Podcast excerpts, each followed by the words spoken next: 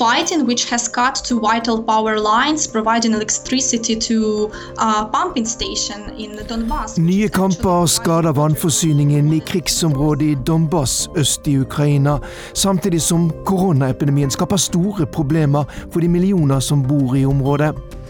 I denne Urix på lørdagssendingen skal vi snakke med Hanna Dodinska, som er fra Donetsk, og som kan fortelle om hva som skjer i denne nesten glemte konflikten øst i Ukraina. Jeg vil jobbe i landsbyer der det ikke finnes leger, og være med på å bygge sykehus. Kanskje er det meg som hjelper til i framtiden, hvis vi får en ny pandemi. Yeah, so For 17 år gamle Nyajima i Sør-Sudan og millioner av andre unge i den fattige delen av verden er det hele framtiden som står på spill når de nå mister skolegang pga. koronaepidemien. Det ble mye korona i denne Urix på lørdagssendingen, der vi også skal møte 85 år gamle Kari fra Hammerfest med 55 års botid i Tyrkia, og som har sittet innestengt i tre måneder i en av verdens største byer, Istanbul. Jeg tror de blir mer eh, reserverte, men også kanskje mer sinte. At temperamentet kan gå opp. Og kanskje det blir enda flere menn som tar til brødkniven hjemme. Vi skal høre at europeisk kulturliv så smått begynner å åpne opp igjen, og at det norske utenriksdepartementet vil forsøke å fortelle verden om fredsmegling i en egen podkastserie. Det blir korrespondentbrev fra Philip Lote, og i vår egen podkast Krig og fred skal vi møte nordmannen som forsøker å reformere Pakistans helsevesen. I studio under denne sendingen Morten Jentoft. De siste ukene har det altså vært kaotiske tilstander langs den mer enn 400 km lange frontlinjen mellom de ukrainske regjeringsstyrkene og de prorussiske separatistene øst i Ukraina. Mange titalls mennesker ble sittende fast i ingenmannsland fordi separatistene ikke ville slippe dem inn, og ukrainske myndigheter ikke har dem tilbake av frykt for spredning av koronaviruset. Pandemien, pandemien har gjort situasjonen for de rundt fire millioner menneskene som bor i konfliktområdet i Ukraina, enda vanskeligere.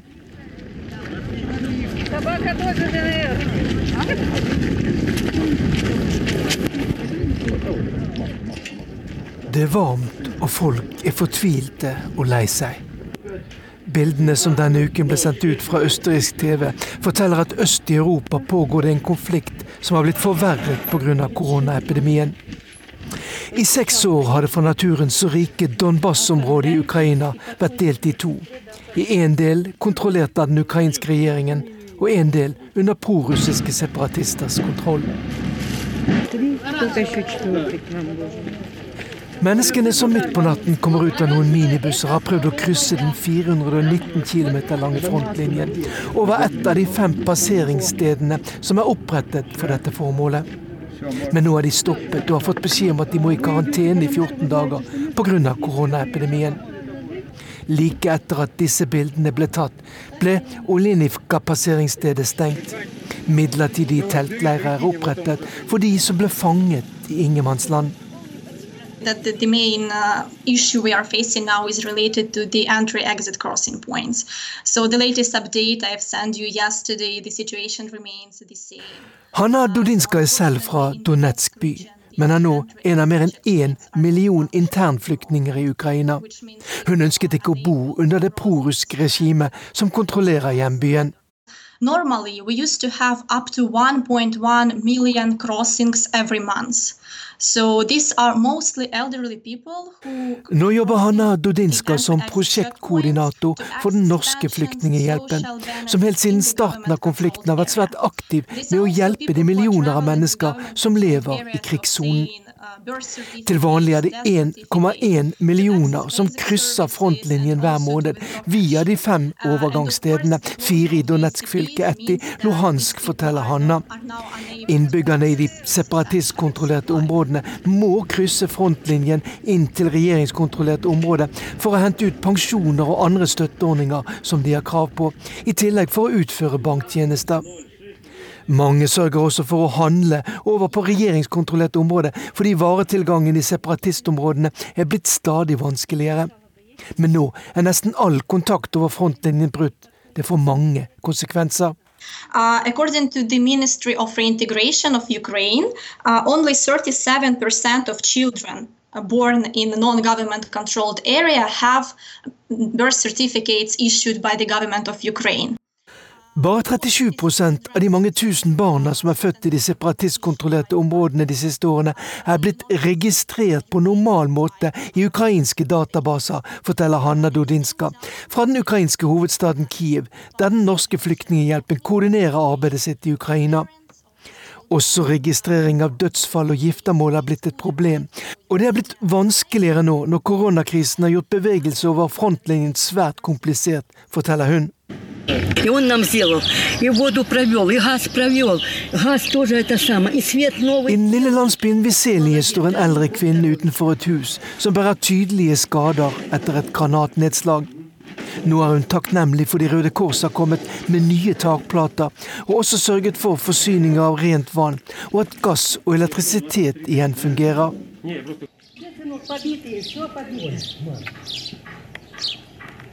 Kvinnen bor i det som bare kalles den grå sonen, et slags ingenmannsland mellom de stridende parter, der det stort sett bare bor gamle mennesker som ikke har noe annet sted å gjøre av seg.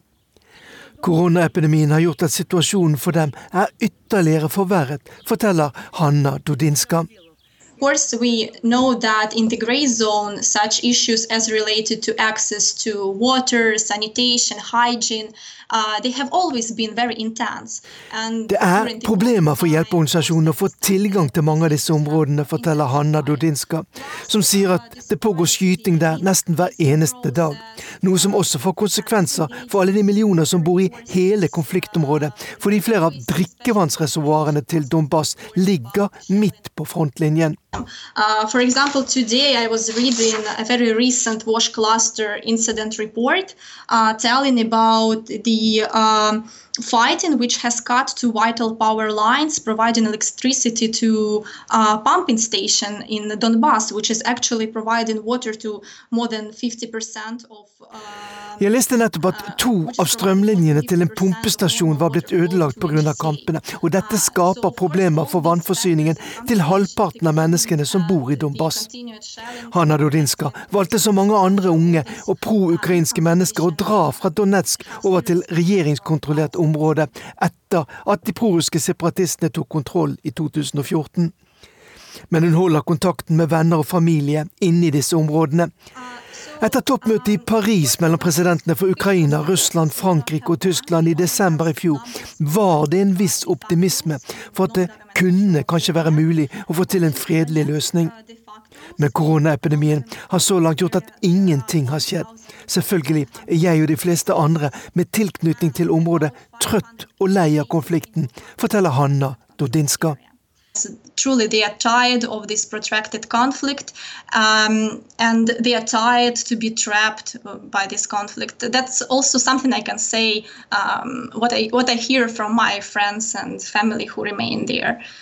Ja, det sa altså Hanna Dodinska, som altså jobber for den norske flyktninghjelpen i eh, Ukraina.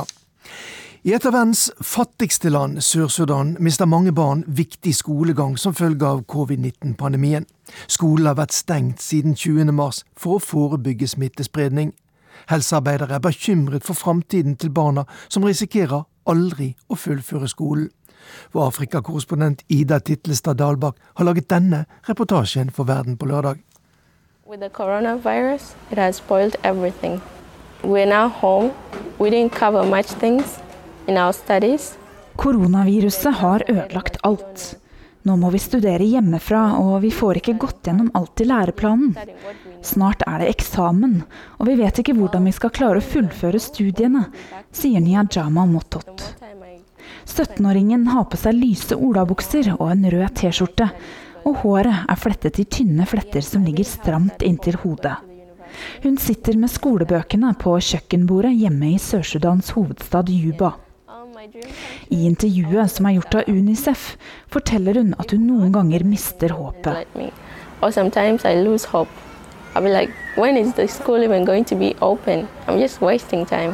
Når skal skolene og universitetene åpne igjen? Jeg føler at jeg kaster bort tiden min, sier 17-åringen.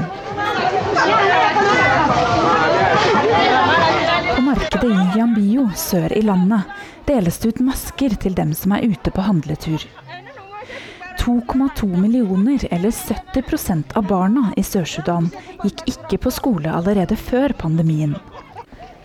Et par måneder uten skole kan bety slutten på all utdanning for mange, sier Helene Sandbu Rieng, som er kommunikasjonsrådgiver i Unicef. Altså Unicef er bekymret for, for utdanningssituasjonen i Sør-Sudan akkurat nå, og håper at skolene kan åpne så fort som mulig.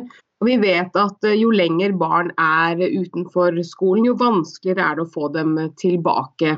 Vi har ikke solide tall, men vi har eh, veldig mange rapporter som sier at det er, eh, det er, barn, jenter, som er giftet bort nå som en følge av at de ikke går på skolen. Vi har også mange rapporter på at eh, jenter har blitt eh, gravide nå som de har vært utenfor skolen. Og de må vi anta at antagelig ikke kommer tilbake på skolen i det hele tatt. En lastebil rygger inn på en av markedsplassene i Juba. Den har med seg en 3000 liters tank med vann, som skal gjøre det enklere for innbyggerne å vaske seg på hendene under pandemien. Sør-Sudan er dårligst rustet av alle land i verden til å håndtere koronaviruset, ifølge en ny rapport fra Deep Knowledge Group. Landets svake helsevesen er allerede presset pga. sykdommer som malaria, og under pandemien har konflikten blusset opp. Altså, Covid har lagt seg på toppen av en allerede vanskelig situasjon. Det forteller Kari Øyen, som er landdirektør for Sør-Sudan i Kirkens Nødhjelp, på Skype fra Juba. I 2018 fikk vi fredsavtale på plass den 22. februar. Og ganske tett etter det så, så slo jo koronaen inn. Eh, så det har skjedd egentlig veldig lite. Og eh, man har ikke fått på plass ei regjering. Så det har vært et veldig vakuum ute i, eh, i, i statene rundt om i landet, som da har ført til at du har fått en oppblomstring av konflikter lokalt. I forrige uke ble også Kirkens Nødhjelp rammet av kamper øst i landet. Og vi fikk brent og ødelagt eh, basen vår der. Vi måtte, Rett før det her skjedde, angrepet, fikk vi tatt ut eh, den lokale staben vår. Noen fikk vi ut med fly, og andre rømte rett og slett gjennom bushen. I Juba sier Nyajama Mottot at hun håper at skolene åpner igjen, så hun kan fullføre drømmen om å bli lege. I would go, like, deep in the villages. Jeg vil jobbe i landsbyer der det ikke finnes leger, og være med på å bygge sykehus. Kanskje er det meg som hjelper til i framtiden, hvis vi får en ny pandemi.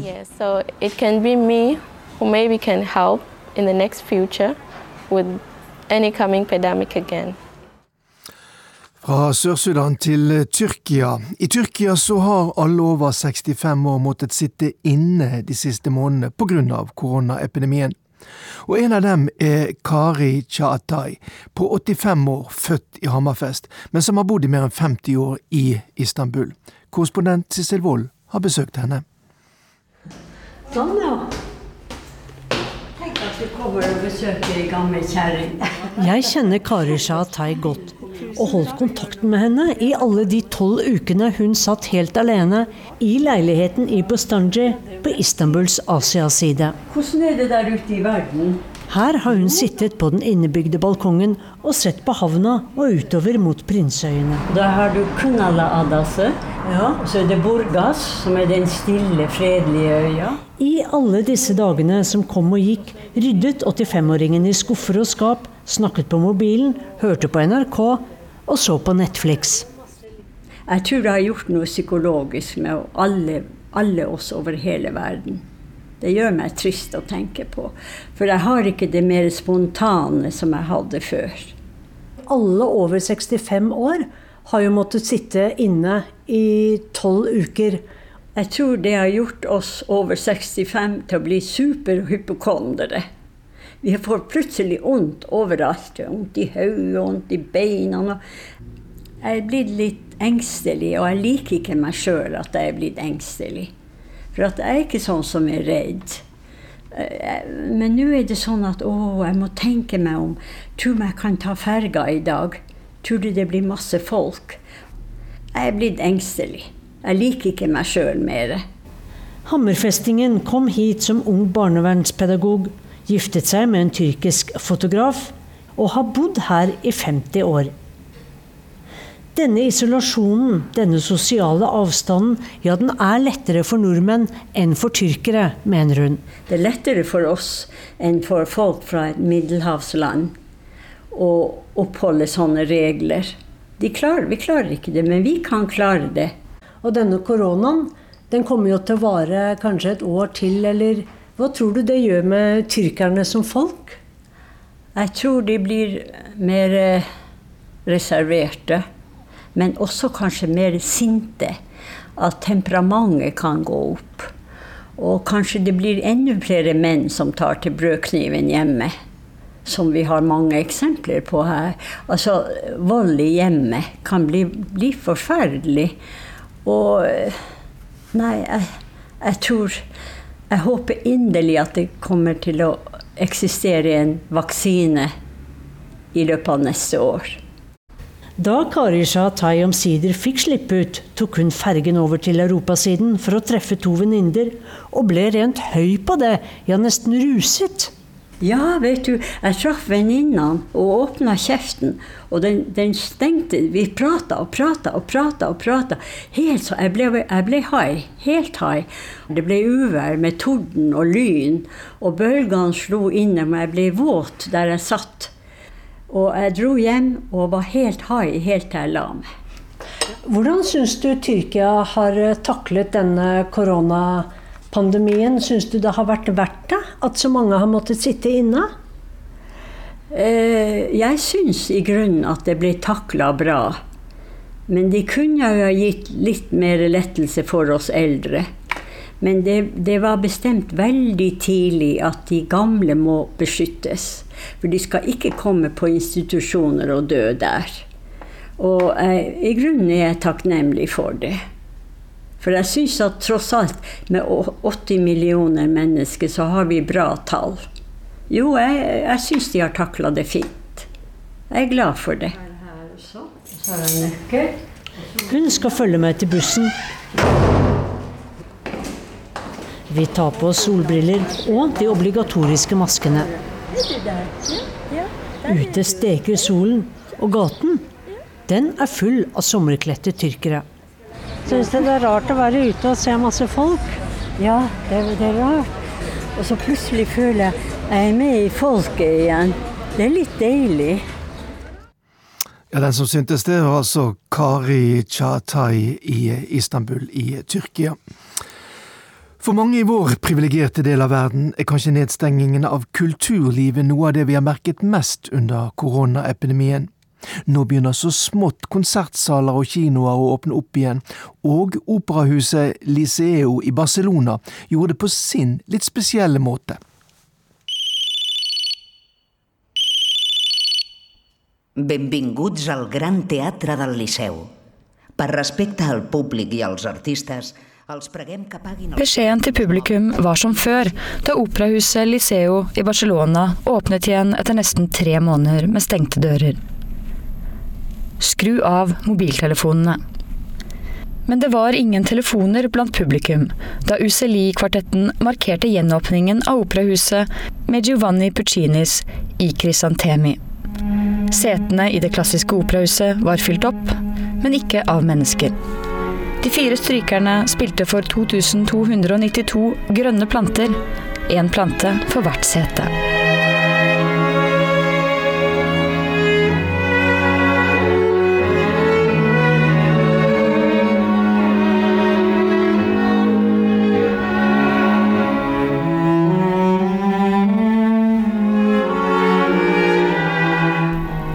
Kunstneren Eugenio Ampudia som først fikk ideen med å fylle operahuset med planter. Ampudia sier han ble inspirert av naturen under koronapandemien.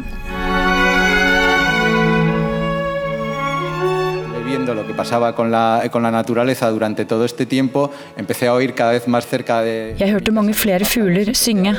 Jeg så plantene i hagen min vokse raskere.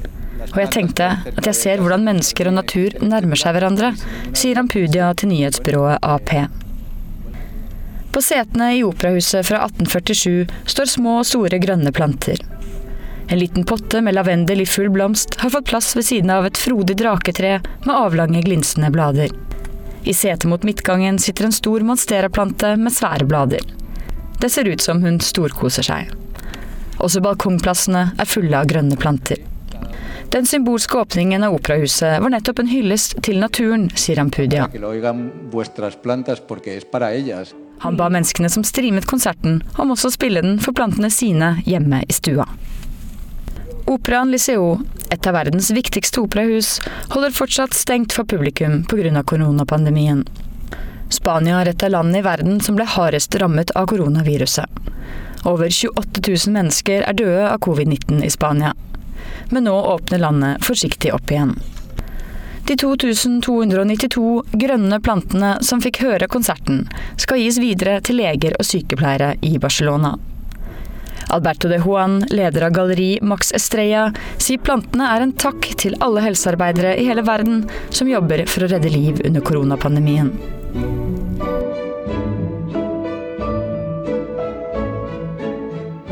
digamos que es simbólico, es un agradecimiento mundial a todos los sanitarios del mundo entero por lo que han hecho durante estos meses.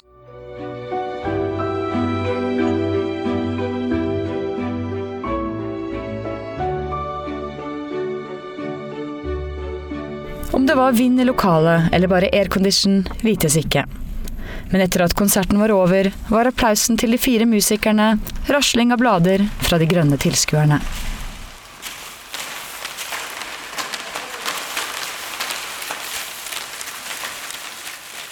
Reporter i dette innslaget Heidi Taksdal Skjeseth.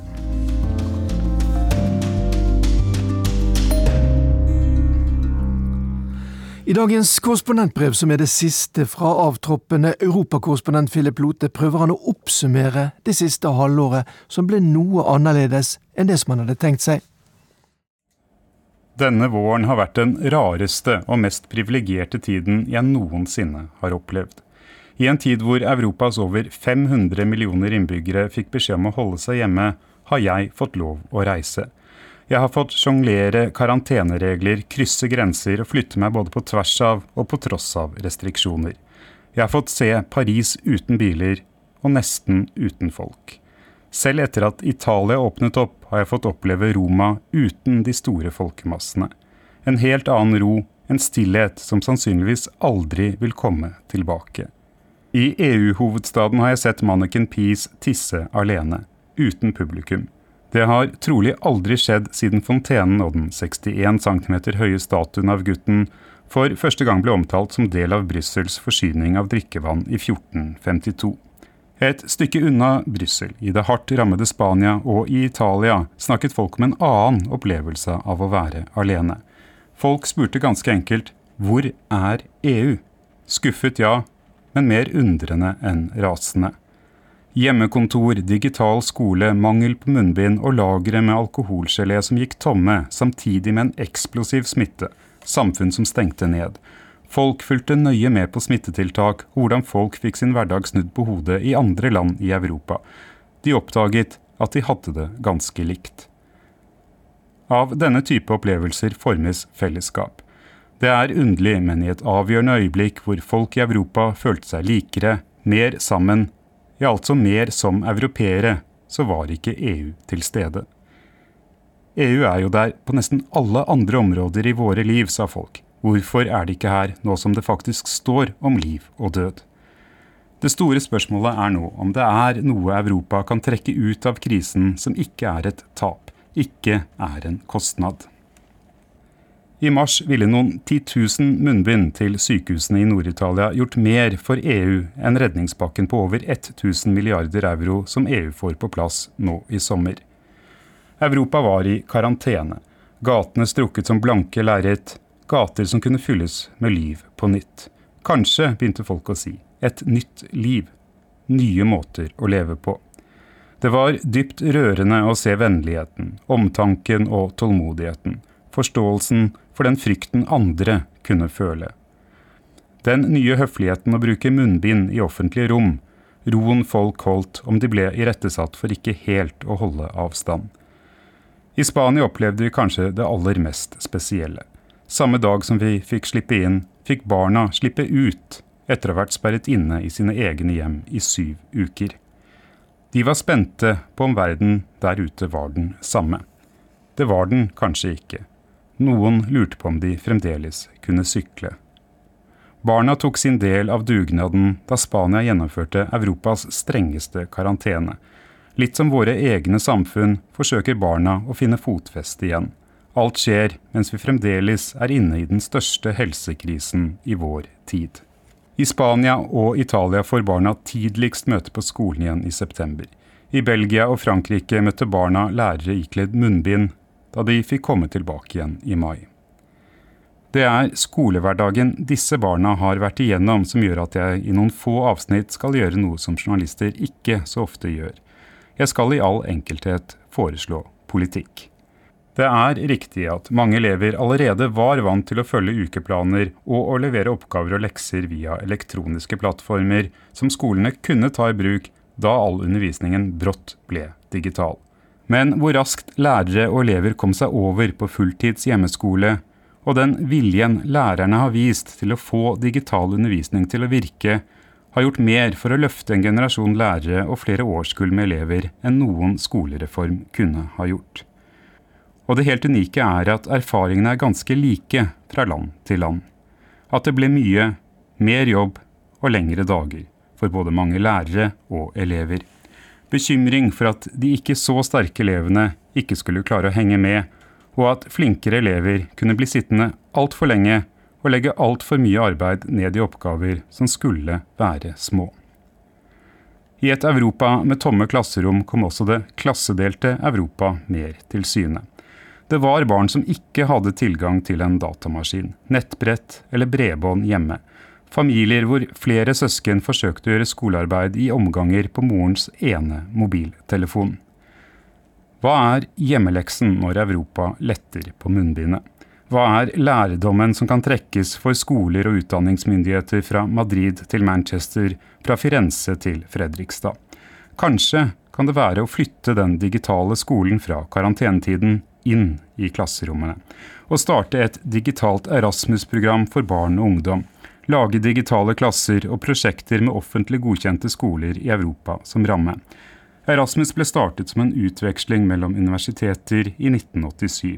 I 2020 er kanskje tiden etter epidemien riktig tid til å lage dette i et nytt format for de yngre. Selvsagt skal undervisningen i hovedsak skje i den sosiale konteksten som det fysiske klasserommet gir. Men på noen trinn kan f.eks. fransk undervises digitalt med elever fra hele Europa med en lærer med fransk som førstespråk. Smågrupper med elever kan lage prosjekter i naturfag, historie og samfunnsfag med ungdom og barn fra Nederland, Irland og Ungarn. En gutt eller jente med polske foreldre i et nordisk land kan få morsmålsundervisning av en lærer i Krakow sammen med andre barn med polske foreldre, men som heller ikke bor i Polen. Det vil gi elever større mulighet til å dyrke spesielle interesser i kunst og idrett, matematikk og vitenskap. Det vil gi barn i land fra Hellas til Norge, fra Finland til Italia, mulighet til å lære hva de har felles, og en forståelse av hva som ikke er likt. Det gir en mulighet til å bruke Europas variasjon i språk og levesett til en styrke. Og det viktigste er at tidspunktet er nå. Alle disse barna kommer denne høsten tilbake til skolen med en unik felles erfaring. De vil kunne dele og snakke om de samme opplevelsene. Alt var kanskje ikke mye bedre under koronaen, men noe var bra. God sommerferie, alle sammen.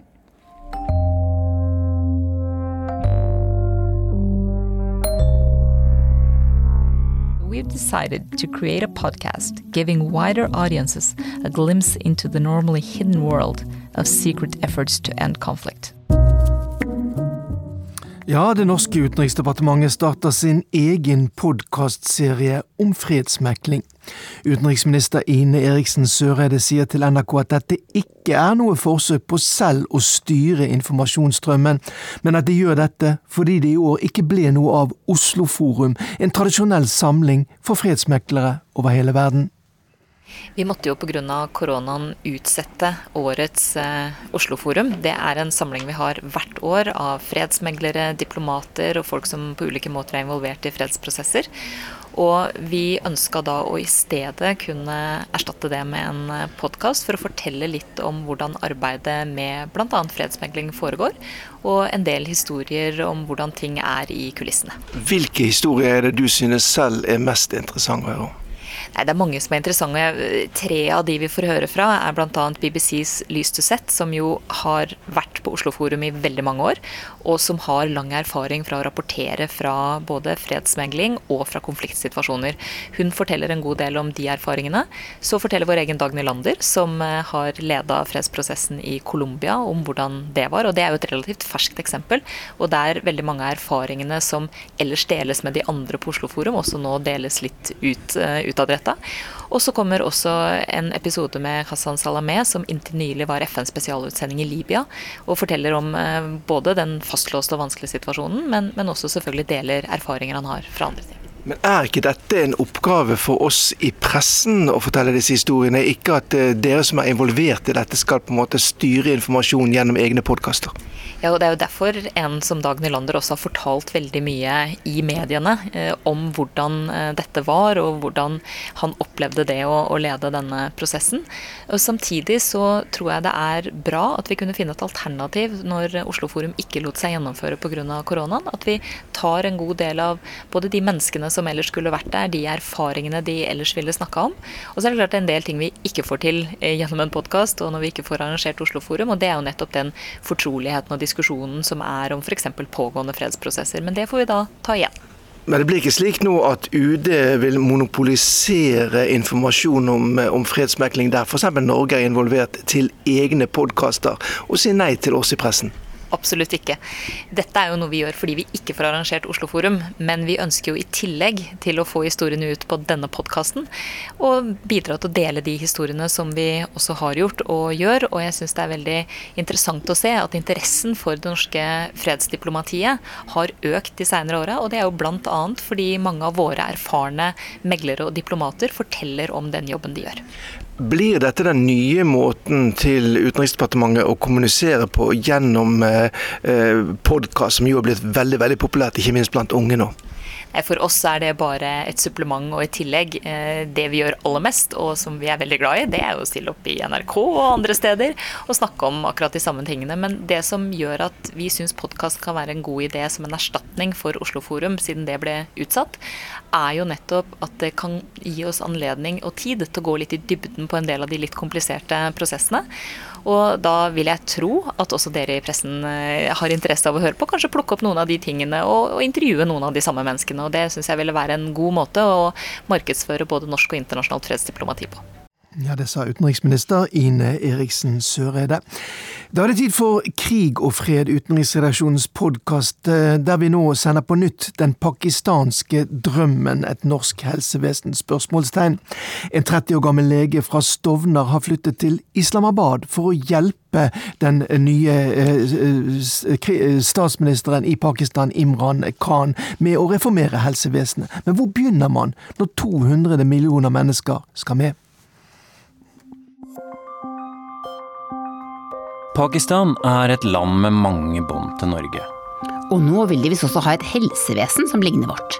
Men hvordan gjør man det i et land med 200 millioner innbyggere, der en sykdom som polio fortsatt sprer seg? Vi skal inn i det pakistanske helsedepartementet og høre om planene til cricketstjerna som er blitt statsminister.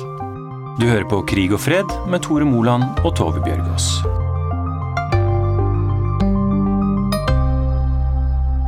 तो तब से हम सोच रहे थे लेकिन प्रॉब्लम ये है कि आप सबके लिए समझना कैंसर और हार्ट डिज़ीज़ के लिए स्पेशलिटीज चाहिए Imran Khan er statsminister i Pakistan. Han er en cricketlegende, og han er en mann som har store planer for Pakistan. It's only if you came into government and built a welfare state. That's the only way you can really help the uh, people in your country, the underprivileged people in your country.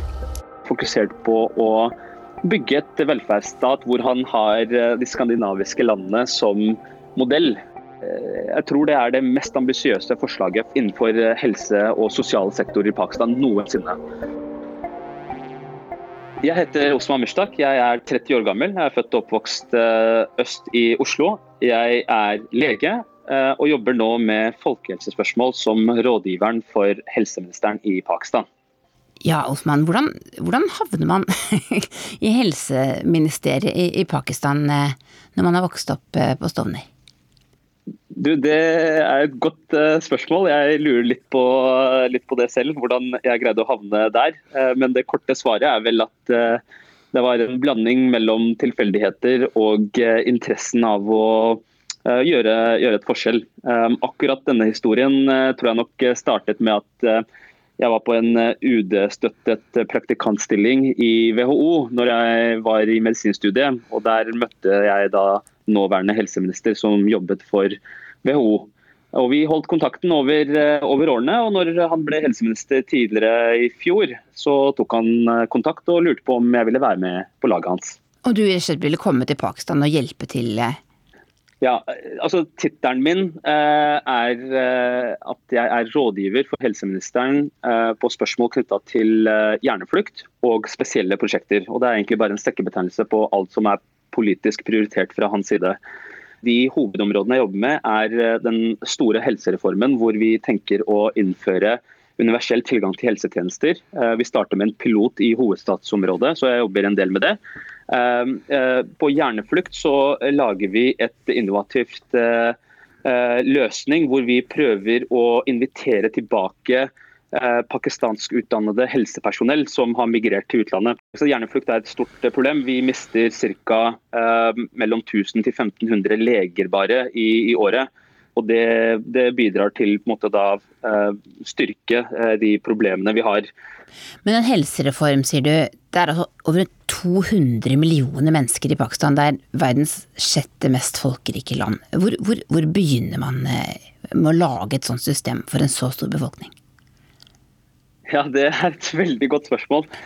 Altså, det, er, det, ligger jo, det, ligger jo, en paradoks i dette her at befolkningsveksten er på ca. 2,4% og Hvis man ikke greier å, gjøre noe med eh, akkurat uh, familieplanleggingsspørsmålet, så vil befolkningen doble seg i løpet av de neste 29 årene.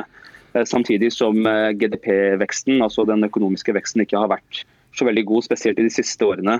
Um, så, så det er lite tilgang til ressurser med en raskt voksende befolkning.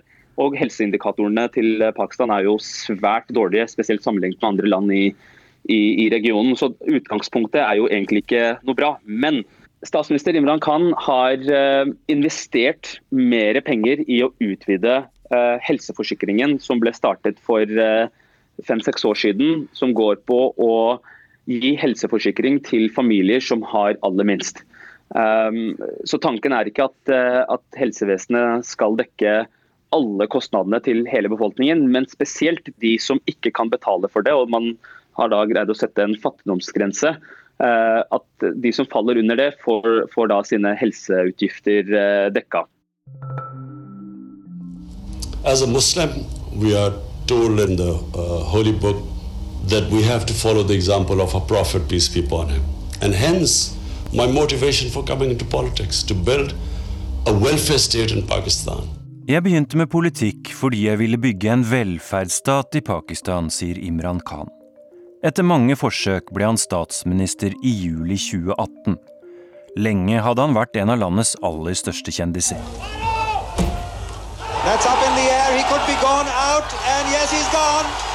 Imran striking and striking hard. The world champions at the moment for Imran Khan var kaptein på laget da Pakistan vant sitt første VM i nasjonalsporten cricket i 1992. Det gjorde ham til superstjerne, også i Storbritannia, der han bodde i mange år og hang med både adelige og kongelige. Han er jo nå kjent som lederen av det store partiet Pakistan Terike Insaf, som står for Pakistans bevegelse for rettferdighet. Og det er jo dette partiet da som valg, vant valget i 2018. Uh, Khan har vært uh, statsminister siden 2018. Og er nok mest kjent som den verdenskjente cricketspilleren, som sagt. En slags superkjendis i Pakistan? Ja, og ikke bare i Pakistan, i hele verden. Men i tillegg til å være en cricketstjerne, så han, er han også en filantrop. Mange kjenner jo han også som eh, Khan som på en måte har bidratt til samfunnet. Han er rik, da. Eller han har tjent masse penger på denne cricketkarrieren sin, kanskje? Han eh, ble jo selvfølgelig kjemperik av å bli en verdensstjerne. Jeg heter Ira Mansari og jobber som journalist i NRK. Jeg har foreldre fra Pakistan og er født i Pakistan, men vokst opp i Norge. Har du møtt ham? Ja. Du har det? Ja. Den første gangen var jo i rundt Jeg tror det var, det var på 90-tallet, da han kom til Norge nettopp for å samle inn penger til dette sykehuset som han eh, da var i gang med å etablere. Jeg husker ikke så mye fra det møtet utenom at jeg syntes han var litt kjekk. Hvor gammel var du da? Nei, jeg tror jeg var sånn seks-sju år. Eh, for han var jo så lys i huden, og i Pakistan så liker man jo gjerne at folk er lyse i huden. Det er jo det man, det er det man blir lært opp til å like, da. Så jeg visste jo at han var en stjerne, men eh, jeg syntes han var kjekk, og så var han veldig hyggelig og hilste på meg, og så likte jeg at han håndhilste. Det var veldig fint, syns jeg. At han på en måte tok tak i hånden. For det er jo ikke alltid at eh, pakistanske menn gjør, da. Men han kom i hvert fall til Norge for å samle inn penger? Ja, og det fikk han. Det var veldig mange som var der, i hvert fall, på det arrangementet. Og i ettertid har det også vist seg at han, de nordmennene de ga mye penger. For de trodde på han, og de eh, visste at han var en person som ville bidra i samfunnet, som, og hvor pengene ville faktisk eh, ja, eh, føre til at folk skulle få hjelp. Og så var det den andre gangen. Det var nok rundt Jeg tror det var i 2009. Da var han her igjen, og um, jeg gjorde et kort intervju med han eh, til et eh, magasin den gang da, før jeg begynte i NRK. Og jeg hadde faktisk jo begynt å stille spørsmål på urdu, og det syntes han var veldig, veldig kult. At, oi, at jeg kunne urdu såpass godt, at jeg kunne gjennomføre et intervju på urdu. Og det var det ikke så mange barn i Storbritannia eksempel, som kunne gjøre, for der var det engelsk. Så han var, man merket at han var veldig opptatt uh, allerede da av av det nasjonalistiske uh, Hva skal man si? Da, at han var veldig opptatt av at det er viktig å kunne forstå og ikke minst eh, kjenne røttene sine godt. Ja, for du Han har jo startet et, et slags kjempestort prosjekt som han kaller for Det nye eh, Pakistan. Mm. Og det handler ganske mye om store reformer, men også på en måte om liksom identitet. Eller det du snakker om nå. Ja, han, nasjonal stolthet, eller Ja, han er veldig opptatt av at Pakistan ikke skal være avhengig av Vesten på alle mulige måter, når det gjelder i form av kultur, når det gjelder i form av økonomi og penger. Pakistan skal være stolt av den kulturarven de har, eh, selv etter at de ble frigjort fra Storbritannia. At han mener at det er på tide å dyrke det pakistanske, og at pakistanerne selv må ta tak i landet sitt. for i mange år så mener jo han at det har vært korrupsjon, det har vært korrupsjonsanklager mot en rekke politikere. Eh, så eh, hans visjon har jo vært veldig tydelig at det nye Pakistan skal være et Pakistan som ikke har korrupsjon. Det skal være et Pakistan hvor, som skal ligne på en velferdsstat, hvor man skal klare å eh, ha helsemyndigheter som klarer å ta vare på folket sitt. Altså, man, det er jo helt utrolig at i et 2020 så er Pakistan det landet hvor polio fortsatt er utbredt.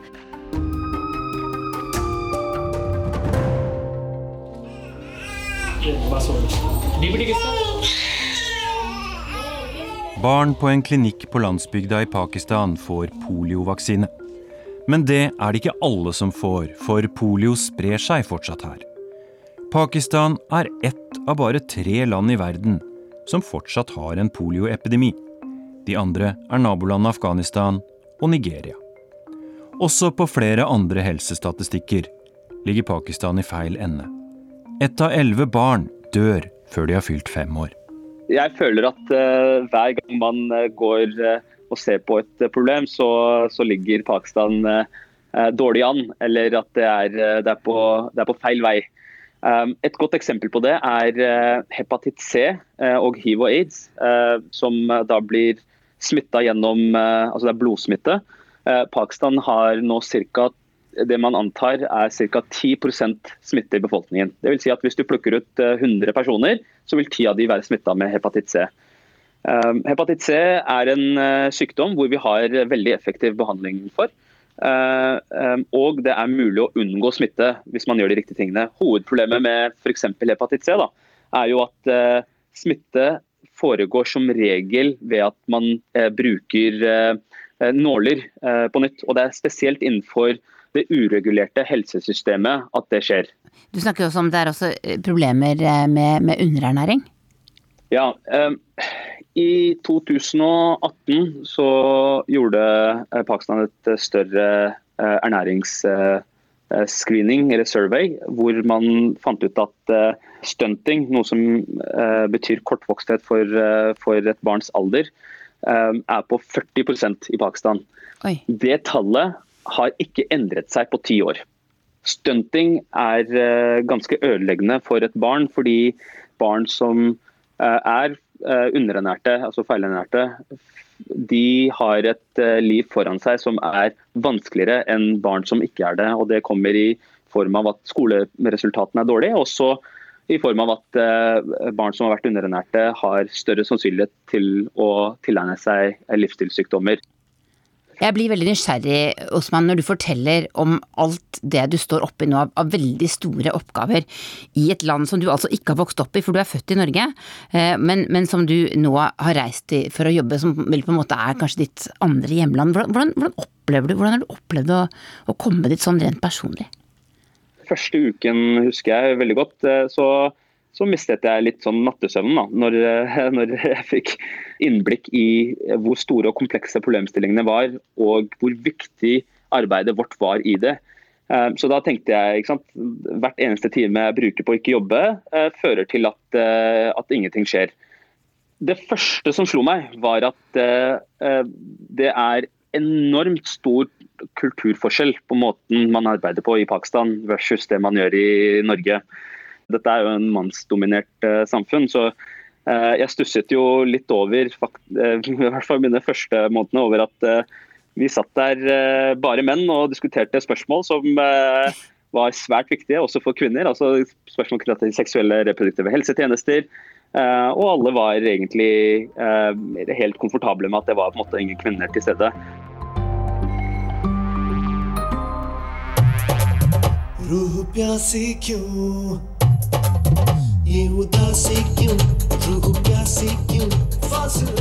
men du, Osman, fortell meg litt, eh, jeg er nysgjerrig på bakgrunnen din. Fortell meg litt om oppveksten din i, i Norge. Bakgrunnen din.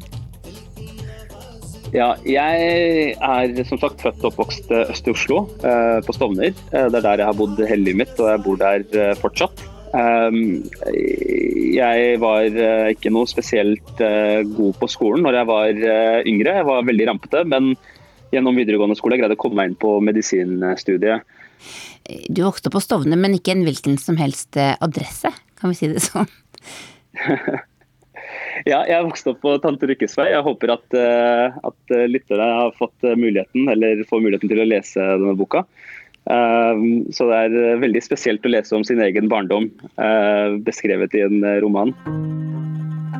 Fortell meg hvor mange bøker foreldra dine har i bokhylla, så skal jeg fortelle deg hvor godt du gjør det på skolen. Tante Ulrikkes vei er en roman om å vokse opp på Stovner. Sishan Shakar kommer selv fra denne drabantbyen i Oslo, og vant Tarjei Vesaas debutantpris for boka i 2017. Her skildres fem år av livene til tenåringene Mo og Jamal gjennom e-poster de sender til en forsker som vil undersøke hvordan det egentlig er å vokse opp i et innvandrermiljø i Oslo. Jeg mener at eh, den gir faktisk et veldig veldig godt innblikk i hvordan det er. Eh, selv om de to karakterene i boka eh, har sine ekstremer, så tror jeg at alle jeg vokste opp med, faller et eller annet sted imellom. Og det gjør jeg også. Altså når man vokser opp på Stovner, så så føler man eh, litt i sin egen verden. Altså, du føler at du er fra Stovner, men du er kanskje ikke fra Norge. Eh, altså for eksempel, jeg hadde jo ikke vært eh, i Oslo vest veldig mye før jeg starta universitetet. Jeg kan telle på fingrene mine hvor mange ganger jeg hadde vært på eh, Aker Brygge, og skjønte heller ikke verden utenfor det med at eh, foreldrene våre eh, tok oss med til Pakistan på sommerferier en gang iblant. Så eh, mens jeg var i medisinstudiet, så eh, fikk jeg muligheten til å jobbe internasjonalt. Eh, og jeg bestemte meg etter 22.07 å melde meg inn i et politisk parti som jeg syns sto meg nære. Det var Arbeiderpartiet, og ble da også politisk aktiv. Så eh, Siste året av medisinstudiet så, så, fikk jeg også muligheten til å jobbe som politisk rådgiver for Jonas Gahr Støre i et halvt år. Eh, hadde du tenkt at du skulle ende opp med å jobbe i Pakistan? Nei, er vel det korte svaret. Jeg hadde jo ingen planer om det. Så når jeg fikk denne e-posten fra uh, helseministeren tidligere i fjor, så kom det som en lyn fra klar himmel. Hva tenker du du kommer til å gjøre med karrieren din eller livet ditt, det du opplever nå? Jeg tror dette har vært dette her er svært viktig for min virkelighetsforståelse. Fordi en ting er når man jobber med utviklings- eller bistandsarbeid eh, og sitter og ser det fra eh, et sted som Norge, så, eller eh, om man er i FN i New York eller i Genéve, så, så er det ikke nødvendigvis slik at man greier å skjønne på de problemstillingene som finnes ute i verden, og som aller fleste mennesker må måtte deale med. Da. Og jeg ser jo allerede nå Måten jeg tenkte på uh, har jo endret seg ganske betraktelig. Etter at, jeg, etter, at man blir presentert utfordringer som man må løse med veldig begrensede midler.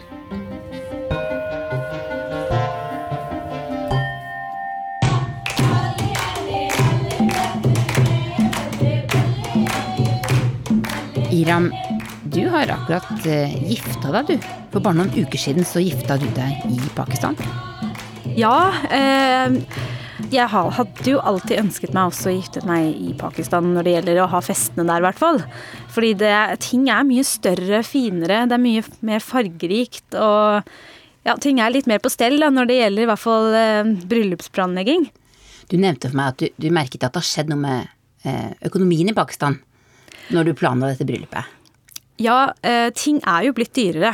Eh, mange, Hvor enn jeg dro, så merket jeg jo alt fra liksom klærne jeg kjøpte til, til ja, alt utstyret til festene og sånt. Alt er blitt dyrere, og det, alle de som driver butikker eller næringer, sier at det skyldes fordi at det er blitt innført mer skatt. Common people pay taxes because most of our taxes come from indirect taxes. The rich hardly pay taxes. So the whole mindset has to change. We cannot allow this unfair, unjust system to continue. Er det statsminister Imran Khan som har innført høyere skatter? Det har jo vært et regjeringsskifte i 2018, eh, og der har den sittende regjeringen bestemt at nå skal de eh, få inn mer skatt fra befolkningen. Det er jo sånn at i Pakistan så har, er det ikke alle som har betalt skatt eh, i alle år. Det er ganske få, faktisk. Ja, det var snakk om 0,5% som har betalt skatt. 0,5 av hele befolkningen? Ja, og hvis det stemmer, så er det et tall som er veldig lavt når vi vet at landet består av 200 millioner mennesker. Hvordan er det mulig? Ifølge den sittende regjeringen er jo det pga. korrupsjon, eh, og pga. at de politikerne som har sittet på makten, har rett og slett spist av folks penger. De har brukt dem feil. De har eh, eh, gjemt dem av gårde i ulike altså Med tanke på Panama-saken. Men det er mest Altså man sier mest at det skyldes korrupsjon at man nå har hatt en situasjon hvor det er bare veldig få som har betalt skatt. Det høres ut som eh, Imran Khan og regjeringen hans trenger ganske høye skatteinntekter for å få til denne store velferdsreformen sin. Tror du det er mulig å lage en velferdsstat i Pakistan som ligner på den vi har i Norge? Tanken hans er jo veldig god. Spørsmålet er jo om man kan klare det med 200 millioner mennesker. Er det noen land som trenger at, at styres, myndighetene går inn og er der mer for folket, så er det folk i Pakistan. Det er mange unge i Pakistan som ikke nå har jobb, som har masterutdanninger og mer, som sitter der og ikke får jobb og er arbeidsløse. Og med en, med en, såpass ung befolkning som det sies at Pakistan har, er det, det, er, det er veldig trist. Og ikke minst eh, Det fører jo til at landet ikke på en måte kan utvikle seg eh, så, så lenge økonomien ikke blir bedre. Iram, du fortalte at du har møtt Imran Khan to ganger her i Norge. Hvor viktig er det pakistanske miljøet her i landet for at han skal lykkes? Veldig viktig. Én eh, ting er at vi har penger her i Norge. Eh, det andre er jo Han er veldig opp, han er veldig opptatt av den internasjonale støtten han får. Fordi at han, Og det er veldig mange faktisk i Vesten, ikke bare i Norge, da, men som støtter han. Og de som på en måte har flyttet til Vesten, eller som har bosatt og vokst opp i Vesten, jeg mener jo uh, at det han gjør er veldig fint. Fordi at uh, de selv et, bor i et land hvor ting er satt i system, og ønsker det samme for sine slektninger eller sitt folk.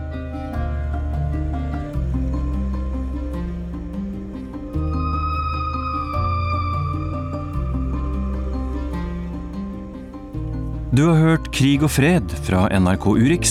Lydregien var ved Hilde Tosterud.